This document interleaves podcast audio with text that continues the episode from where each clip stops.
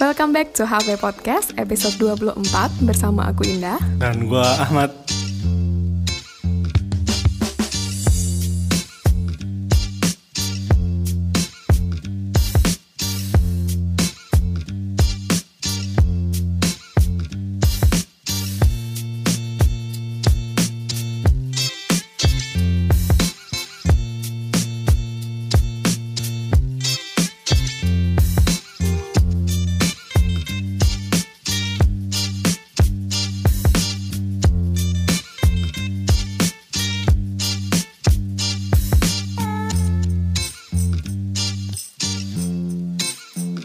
Apa kabar kau? Ya tumben nanyain kabar. Malah nggak usah basa-basi lah. Eh, Udah kita sambut aja. Berikut ini, yalah. adalah tamu yang sudah lama banget gua nanti-nantiin. Wah, dinanti-nanti ini. Mau dikasih apa emang? Mau di- Ucapan terima kasih. aku udah ketawa di awal, astagfirullah. Kak Anjar. Ya, selamat datang Mbak Anjar. Mbak Anjar. Oke, enak enak Mbak ya. Yo. Halo. Eh akhirnya ketemu sama Ahmad juga ya Iya. secara langsung. Yang disapa dia Selama doang. ini kan ini ngefans sama suaranya. Oh, cuma Oke, bisa dengerin doang ya. Iya, sekarang Oke. udah ketemu langsung. Bagaimana kesannya Mbak ketika ketemu Mbak? Terkejut enggak? Oh sangat. Wih. Oh, tidak sesuai ekspektasi. Hmm, lebih asik daripada yang Tuh, tuh dia mau ngejek tuh. aku pengen gantian bully kamu lah, biar kamu nggak ngebully aku terus. Oke, silahkan. Ya oke, Gak bisa tapi Gak ada bakat deh Soalnya yang di sini yang bullyable tuh lu, Kak. Iya, kenapa ya? Nggak tahu. Tolong mbak psikolog nanti di ini ya Eh, mungkin sudah karakter bawaan kali ya. Oh baik ya Oke, Apa? Mbak Anjar. Langsung dipotong sama dia Kasihan dia. Mibal kan emang Mbak Anjar nih, eh, kenalan dulu deh. Kalau di sini kenalannya sendiri ya. Iya, Oh, gitu. Oke, eh, namaku Anjar. Orang-orang biasanya memanggil Anjar, tapi terkadang juga ada yang Cinta. memanggil Novita. Oke. Nah, ini di sini kan saya seangkat, eh di angkatannya Indah ini. Astagfirullahaladzim Saya fitnah Panggilannya aja Mbak ya. Iya, ada angkatan beda strata lah ya Oke, apalagi ya ini? Iya, apa pun yang ingin dikenalkan apa nih mbak? Eh, kegiatan sehari-hari kayak profesi kayak gitu. Oke, ke- kegiatan sehari-hariku di kampus. Setia emang, dari tahun berapa mbak di kampus mbak? Kapan ya? Saya juga lupa. Udah berpuluh tahun kamu phone ya mbak? Dengan cerita yang berbeda. Iya, bener Oke. Di situ saya aktif di unit konsultasi psikologinya Fakultas Psikologi UGM. Uh, Oke. Ya, seperti yang Indah bilang, di situ saya dari asisten mahasiswa sampai lulus jadi psikolog di situ. Mantap sekali. Dan sekarang lagi sibuk sebenarnya. Nah, tapi Cuman kita paksa-paksa biar iya bener. dapat ke sini ya. Iya dan ih luar biasa lah. Susah loh, kita jadwalnya udah dari awal season 3 kan. Iya, terus tiba-tiba ada covid aja ya. terus habis itu bingung kan, aduh kapan lagi? Heeh. Ntar seasonnya udah udah tutup. Jadi ya udahlah, aku coba tawarin Mbak mau nggak Mbak? Itu H minus berapa Mbak? H minus satu ya? H minus dua? H minus Lupa satu? aku udah kayaknya H-minus H-minus dua deh. Mepet banget pokoknya aku bilang, Mbak hari ini ya gitu. Terus ya, oke, itu baiklah. Ini suatu momen berharga, sayang dilewatkan dah. ah, ketemu aku. Meskipun Covid ya. Iya. Kita ke sini ya. Aku gak ditanggepin. Tuh kan, udah balik lagi ke aku kan. Jadi di sini kita tetap physical distancing ya. Dibela-belain recording tapi tetap sesuai aturan kan. Iyalah kalau deketan nggak bisa suaranya campur soalnya. Ah. Gimana Padahal, sih? padahal sebelum-sebelumnya juga. Juga kayak gini. Kamu nggak usah banyak-banyak inilah. Oke, Basa-basi. dipotong lagi dia. iya loh dari tadi loh. Kenapa sih kalian loh kok? Baik. Jadi hari ini kita mau bahas tentang apa nih? Apa mbak? Pengalaman Ahmad patah hati. Gimana?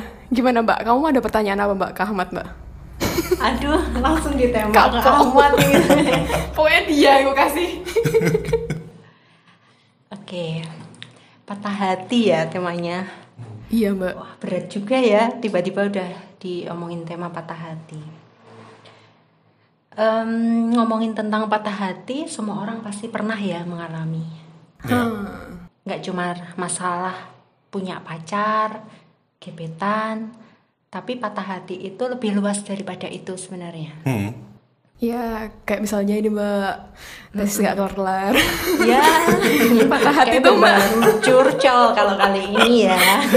Itu patahnya di mana coba? Matanya udah patah lebih patah daripada patah hati karena pacar.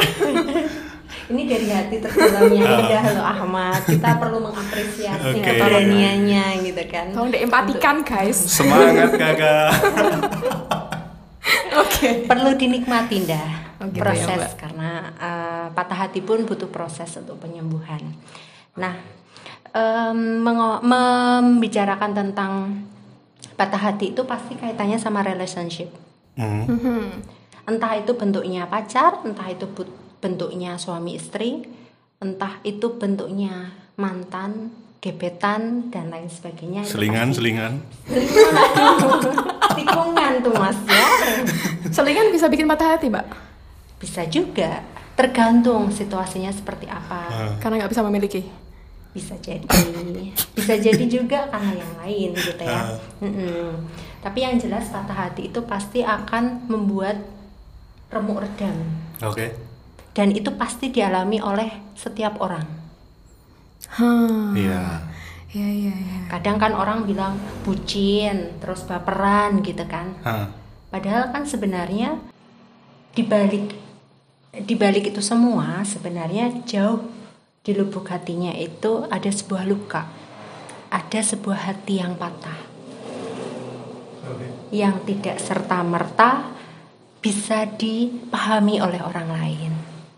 Nah, di sinilah letaknya bagaimana be, eh, di sinilah letak bedanya seseorang merespon patah hati. Ah, kalau luka luka itu tuh sebenarnya apa sih Mbak? Emosinya sedih gitu ya? Atau apa ya? Luka, kalau kita berbicara luka, setiap orang berbeda. Ada respon itu sedih bisa, kecewa bisa, marah pun bisa. Coba bayangkan eh, Indah sama Ahmad nih, ketika dalam posisi baru putus, kira-kira emosinya apa nih? Kamu dulu Mat. pokoknya kamu dulu pokoknya kalau jawab jawab. Apa ya kalau kalau yang gua inget sih waktu pertama kali putus pasti yang dirasain pertama kali yang paling atas emosinya tuh marah pasti. Marah. Terus yang kedua eh kecewa. Marah, Kecewa. Kemudian yang ketiga mungkin takut. takut. Ada Takut ada rasa takut. Kayak takut nggak bisa seperti biasanya lagi kayak gitu loh. Oke, tiga emosi ya. Ha-ha. Marah, sedih, sama takut. Kalau Indah? Ini tidak diskriminasi gender, tapi aku Oh, pengen gitu. melihat dari dua sisi aja. Apa bedanya sama gitu cowok ya? sebagai sampel gitu. Oh gitu, oke. Kalau aku sih ada miripnya juga sama Ahmad. Emosi pertama itu yang aku rasain marah sih. Kayak, ih kok bisa sih sampai kayak gitu gitu. Maksudnya kayak nggak nyangka aja gitu. Jadinya tidak ingin menerima kenyataan gitu. Makanya keluarnya marah gitu. Setelah marah, eh, terus sedih juga gitu. Tapi emang aku lebih lama dimarahnya sih gitu. Kan kalau ya kalau hasil-hasil yang aku baca itu kan emang marah itu kan sebenarnya kan di bawahnya ada sedih kan. Cuman emang itu marahku agak lama dan lebih lama daripada sedih gitu. Terus setelah sedih ya itu nyoba maaf eh, mencoba memaafkan pelan-pelan ya akhirnya juga bisa nerima juga gitu. Tapi emang itu butuh waktu yang nggak sebentar sih. menurutku karena ya kayak yang kita bahas di podcast podcast kita sebelumnya sih kayak ngerasa ya kayak investasiku tuh udah banyak gitu kayak waktu dan lain-lain gitu kayak ya ampun perjuanganku segini doang gitu di disia-siain doang gitu tapi balik lagi ya abis itu tetap ada pelangi setelah hujan adalah. Puitis banget ya Anda ya. Nggak, aku cuma bingung aja mau yang lain selain itu apa aku nggak tahu, cuma tahu pelangi doang. Oke. Dari jawaban Ahmad sama Indah ini sama ya state-nya dan itu memang sejalan sama studinya Kubler-Ross. Jadi memang pertama kali ketika dirasakan oleh orang patah hati, baik cewek apa ataupun cowok, itu memang marah dulu. Hmm. Pasti marah. Entah marahnya itu pada orang, entah marahnya itu pada diri sendiri, atau bahkan mungkin pada keadaan. Sekalipun tidak menyalahkan siapa-siapa, tapi bisa jadi itu menyalahkan keadaan yang membuat dia benar-benar marah.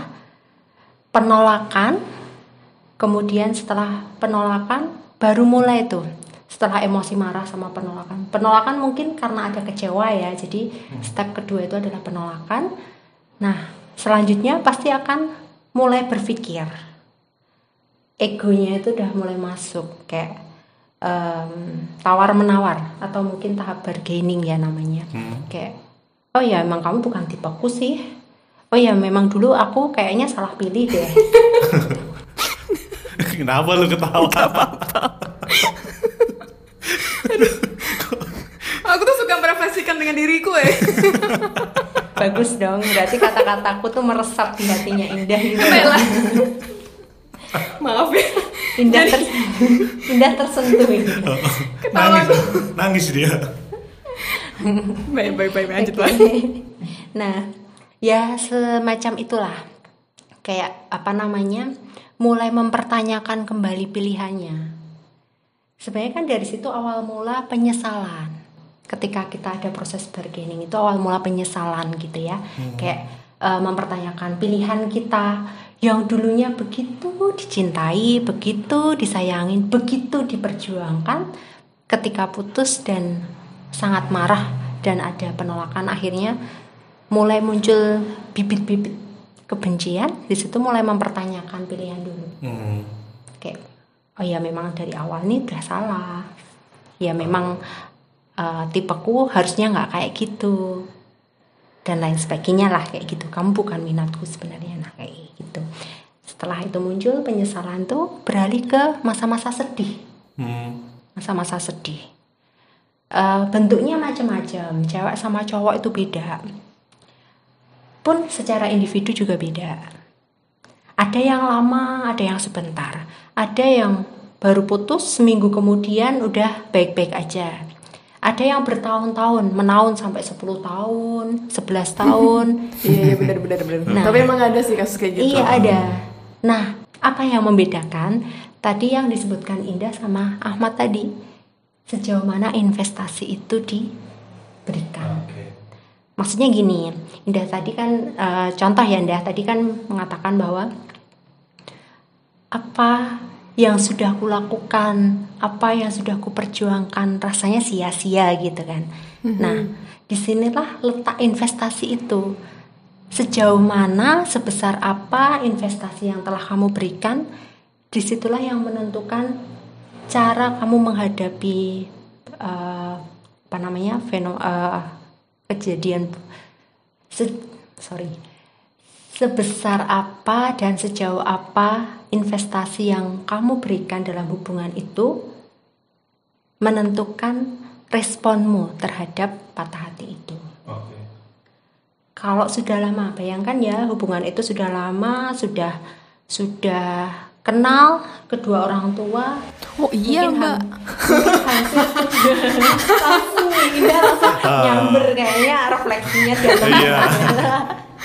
Yang udah kuat tuh dia. langsung eh, langsung apa namanya udah sampai tunangan juga gitu kan. Tiba-tiba oh enggak ya? Ini contoh ya sejauh itu. Sudah sampai tunangan kayaknya udah cocok nih. Kalian udah cocok dua-duanya. Orang tua cocok nih sampai tunangan. Ada di satu titik entah karena apa terus harus putus. Itu rasanya prosesnya akan beda dengan yang baru seminggu kenalan saling tertarik terus udah gitu. Iya iya benar. Durasi menentukan ya. Mm-mm. durasi intensitas. Saya lebih ke intensitas. Iya, iya sih. quality, quality. Kualitas intensitasnya. Dan besarnya investasi itu.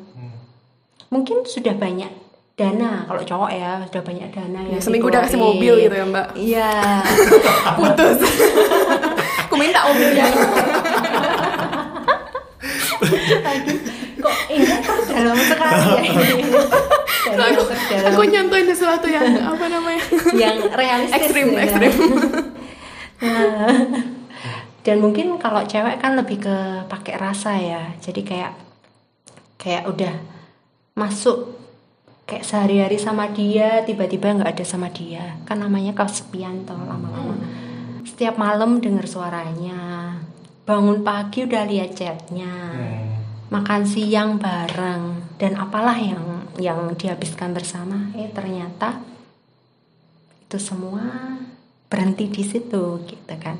Jadinya ketika udah nggak ada sepi itu datang otomatis rasa kehilangan itu datang dan di sinilah fase fase sedih itu bisa berkepanjangan dan jangan salah loh banyak orang yang sampai terganggu terganggu dalam artian tidak bisa ngapa-ngapain tidak termotivasi ngapa-ngapain Malas kuliah. Iya. Malas apa? Aku nggak gitu sih Mbak, cuma Males. aja.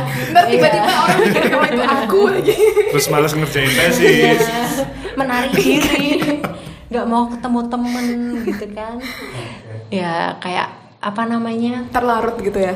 ya mungkin kayak lagunya Glenn Glenn Fredly ya yang yang akhir cerita cinta gitu ya. Oh, itu lagu gue itu dulu. Ya, ya. Oh, nah itu.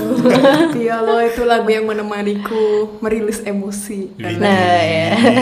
Nah kayak gitu pun sebenarnya boleh loh teman-teman di sini untuk minta bantuan kalau memang tidak kuat di fase itu.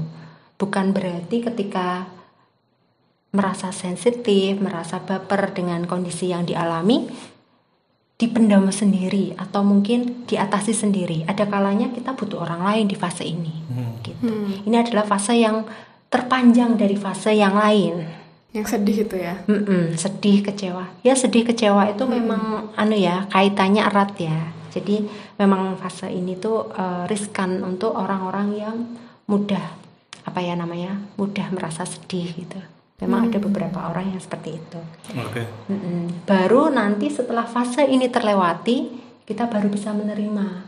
Kalau orang bilang ya ikhlas. Orang uh, bilang bersyukur gitu kan.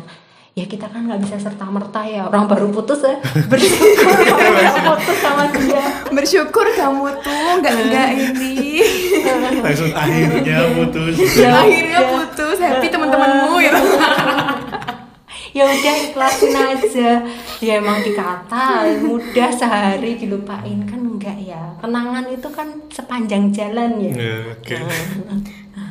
bukan sepanjang galah ya lucu sepanjang jalan kenangan ya sih. Yes, aku nggak ketawa. Biasanya langsung nyaut nyanyi gitu kan? Iya, aku nggak ketawa. dia mencoba membuat pertahanan diri Iya, bentengku lagi tinggi ini.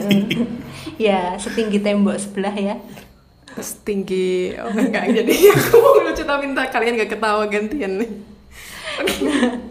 nah di sini uh, strategi orang untuk menyelesaikan masalah pun beda Mbak. aku jadi tertarik sih Mbak. Tadi pas Mbak Anjar bilangnya yang apa? Jadi jadi kalau pas lagi masa-masa sedih, masa-masa melewati proses itu, itu tuh emang kita eh, jangan terhanyut sendiri gitu. Dan itu emang kok apa ya? Cara mengatasiku dulu itu ya kayak gitu sih.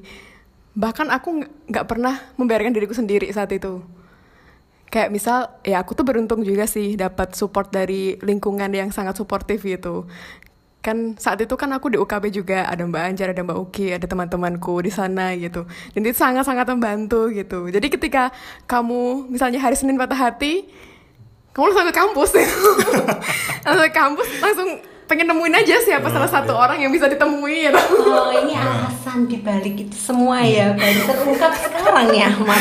iya bener. Itu tuh aku lagi ya itu dibalik dibalik suatu kejadian tuh pasti ada bantuan gitu loh. Dan aku ngerasainnya di situ gitu. Ketika kejadian kayak gitu eh ternyata aku sedang dikelilingi dengan lingkungan yang yang apa ya yang sangat psikologis gitu. Jadi aku terbantu di situ. Di sisi lain aku tuh juga ada sahabatku juga kan di apa namanya di kampus gitu. Jadi aku ke kosnya dia kalau tidur di kosnya dia gitu. Nggak pulang ke rumah gitu. Nanti kalau nangis di rumah orang rumah khawatir gitu. Nangis jadi kosan teman. Nanti jadi Jones ya kalau di rumah gitu di kamar sendiri kan kayak ngenes gitu. iya kan? Malu kan? Ya, ini apa namanya wajar dialami ya. Mungkin proses setiap orang juga berbeda-beda. Nah, yang membedakan tadi aku mau ngambil apa namanya penjelasannya Ahmad tadi kan yang ada rasa takut gitu ya. Hmm. Takut mungkin ini takut karena gimana menjalani ke depannya, hari-harinya. Kemudian teringat lagi yang lalu-lalu gitu kan. Jadi ada perbandingan antara masa lalu sama Iya. masa depan. Nah di fase ini pun itu bisa terjadi Ahmad. Maksudnya gini, hmm, ketika kita fase sekarang atau present itu kan eh, kini dan saat ini Hmm. ketika kenangan itu muncul, kenangan yang menyakitkan untuk proses saat ini adalah kenangan yang manis-manis ya. Hmm. Atau mungkin hal-hal yang seharusnya dilakukan tapi terlewatkan karena sudah ada kata putus di situ. Iya. Nah, inilah yang membuat ki- kita kembali ke masa lalu untuk menyesali. Oke. Nah, kemudian sehingga eh, takutnya itu lebih ke kejadian itu nantinya akan terulang kembali di masa depan. Karena kan punya pengalaman nih. Oh iya. Ya, kita pernah punya pengalaman jatuh. Jatuh ya, jatuh naik sepeda lah. Hmm. Ada beberapa orang yang berani untuk bangkit dan naik sepeda lagi. Tapi ada loh beberapa orang kemudian menghindari dan tidak naik sepeda Iya. lagi. Nah, pengalaman patah hati pun begitu. Kemudian dikaitkan sama masa depan. Tadi kan Ahmad sempat merasa takut ke depannya gimana. Nah, ini adalah kekhawatiran-kekhawatiran yang muncul, bayangan dari masa lalu yang dibawa ke depan.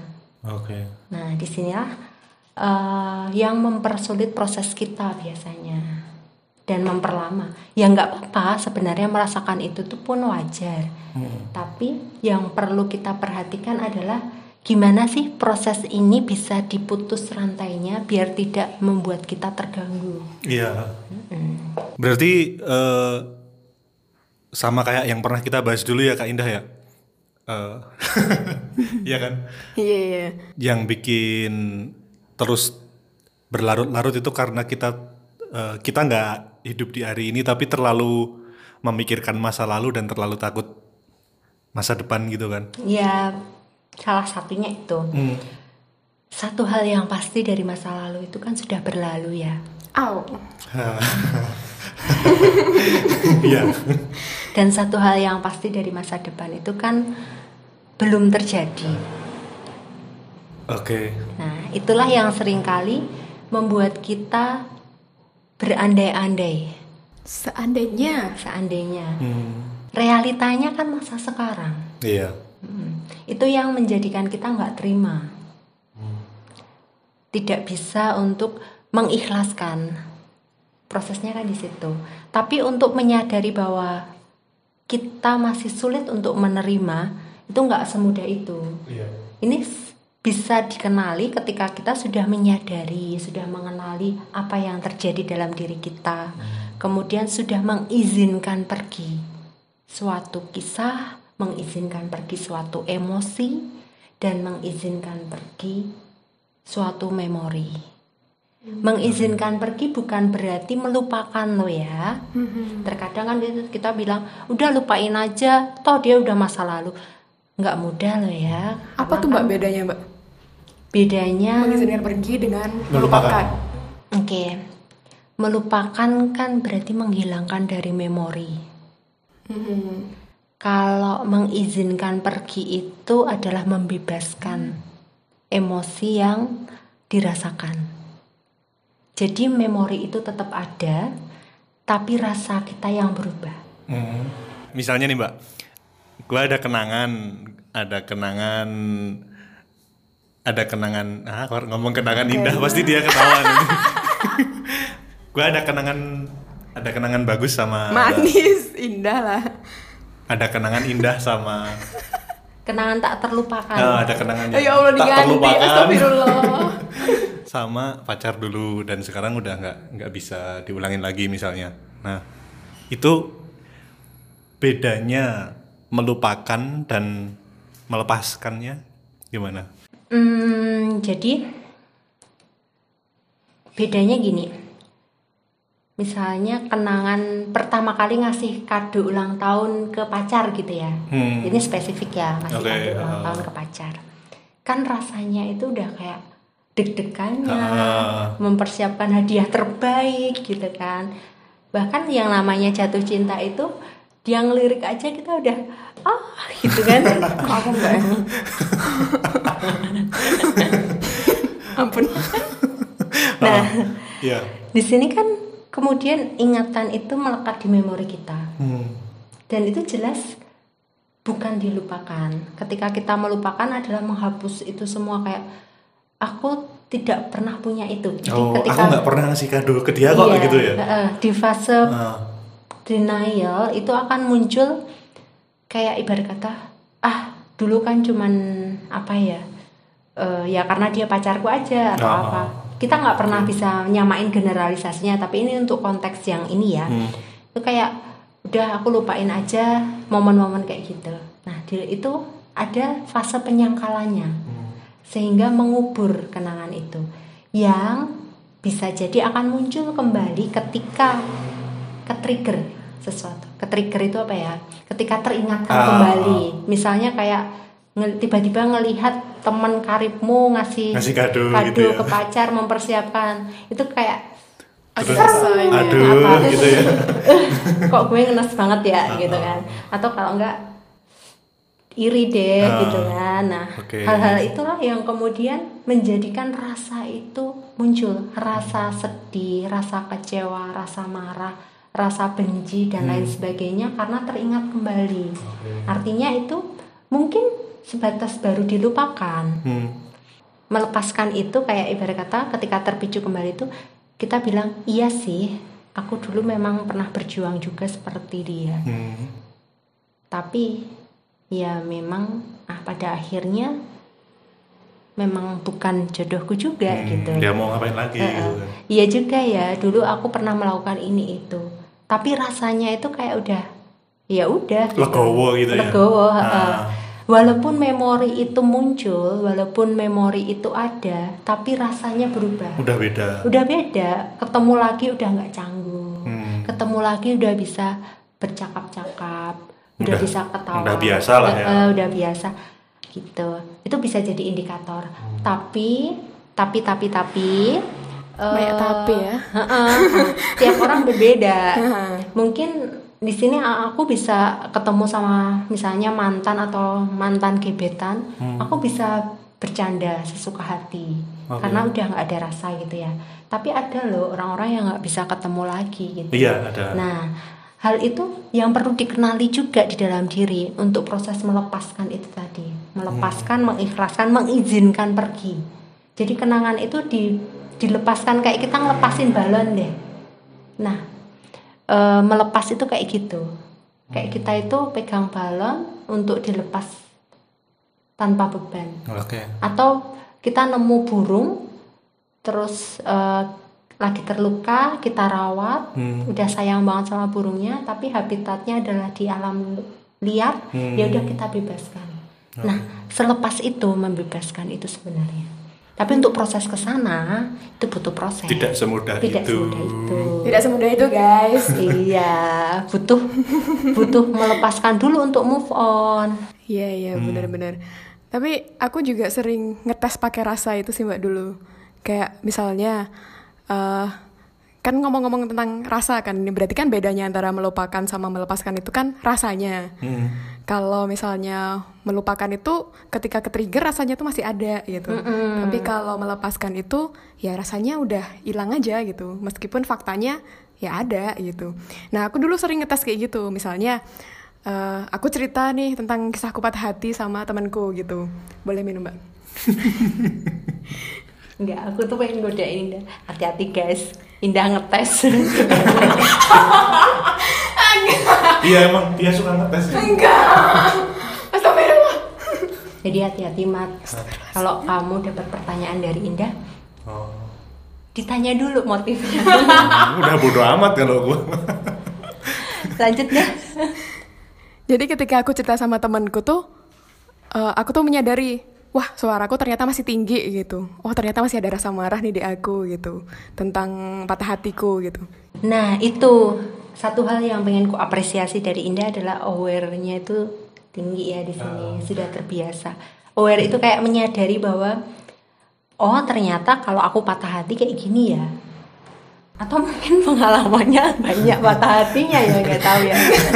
Sampai udah maestro dia. Canda dah. Aku patah hati sama pacar mah itu doang. Canda yang bertendensi nih ya. Tahu. Jadi terkadang orang yang terlatih patah hati itu jadi lebih bisa Terlatih patah hati. nyanyi dah. Enggak. Tapi tahu nggak mbak yang bagus dari dia? Dia bisa menularkan experience-nya dia. dia yang itu bisa ngasih tahu teman-temannya dan teman-temannya nggak perlu mengalami patah hati sebanyak itu. Itu bisa Sekali woi, astagfirullah. Dikira aku berkali-kali apa? maksudnya jadi nggak perlu se separah itu tuh udah bisa mulai gini loh, mulai mempraktekkan apa yang dalam dia diam itu- ya dah. mempraktekkan apa yang dia udah lakukan gitu loh. Kalau mengalami patah hati sekali, kalau menyebabkan patah hati aku nggak tahu. Aduh. Maaf Ya ya. sama, sama dah. Eh, nah ini kadang orang berpikir bahwa akulah penyebab dia put- eh, patah hati. Aku yang mutusin artinya aku yang mematahkan gitu kan. Tapi sayangnya, sayang sayangnya gitu ya. Iya sayang. kita itu sering kali terlupa kalau mutusin orang pun sebenarnya hati kita patah. Itu yang sering kali nggak disadari. Emang ketika kalian putus tuh langsung happy? Enggak kan? Kalau ada yang jawab happy sini temuin sama aku ajak kenalan. Pengen tahu tipsnya itu. Iya, iya. Jadi eh, ketika mutusin pun itu pasti ada entah penyesalan, rasa bersalah. Iya, rasa bersalah pasti ya. Ya, itu adalah salah satu apa ya namanya?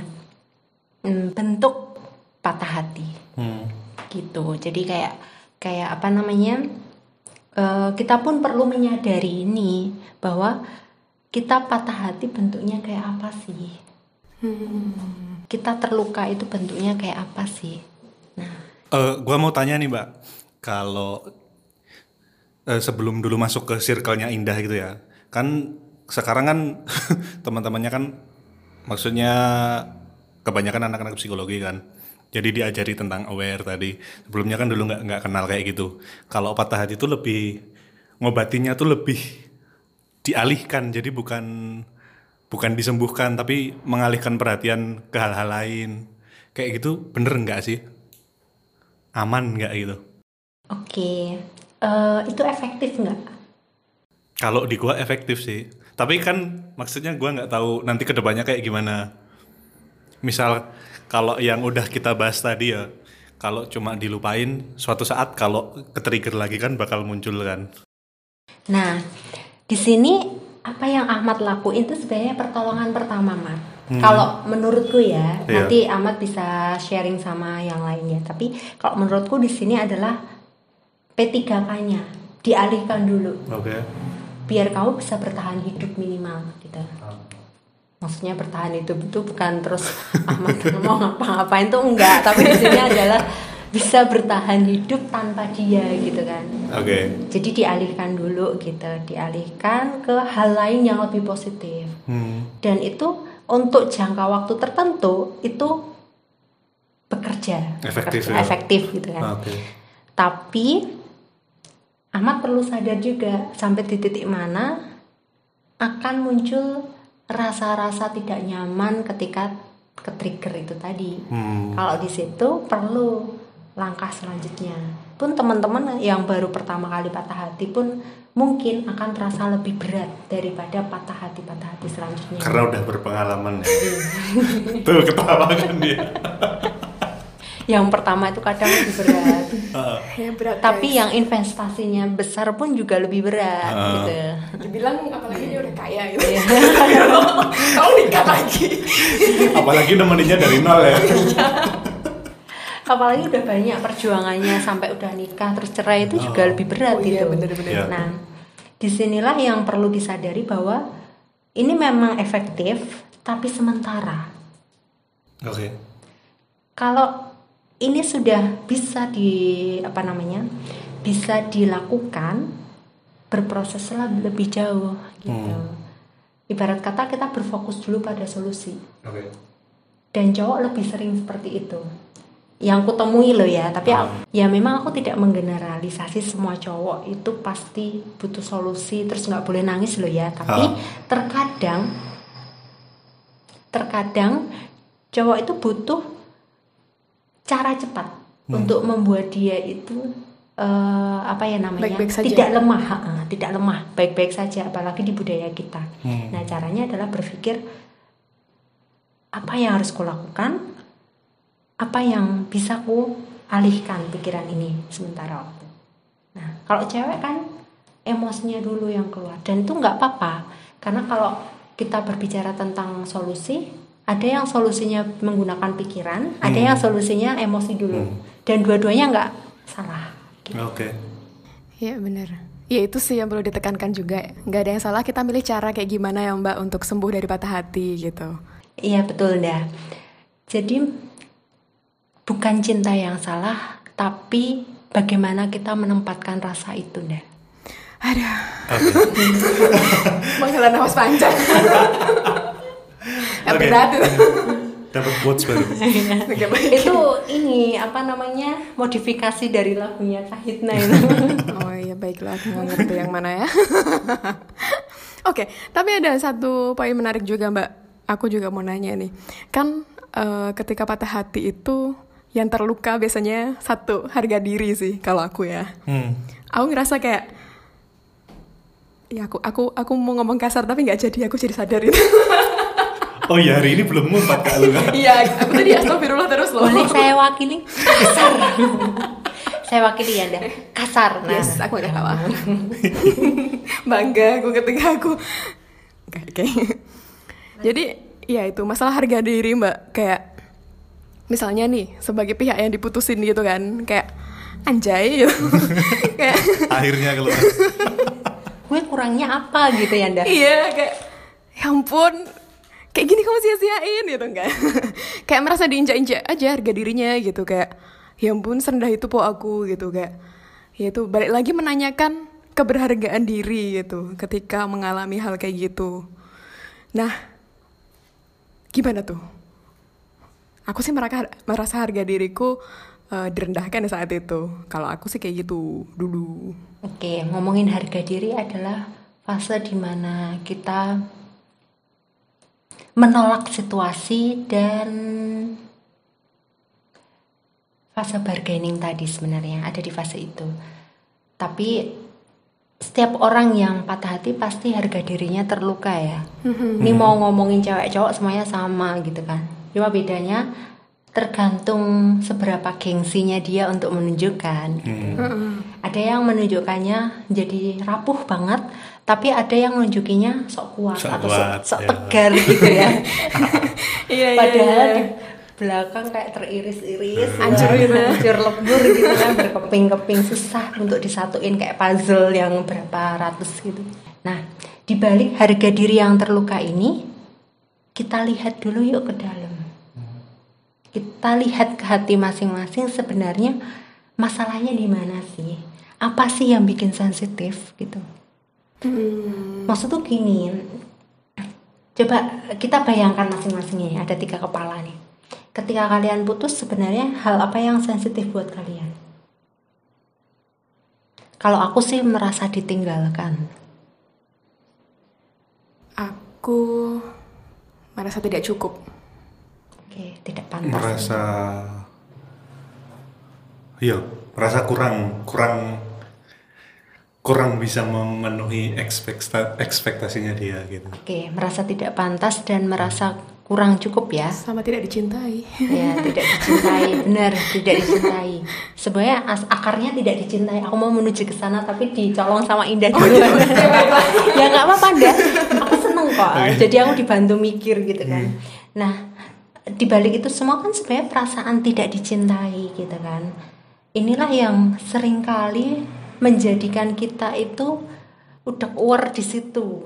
Udah the meaning of udah kuat? apa ya anda tolong terjemahkan dong.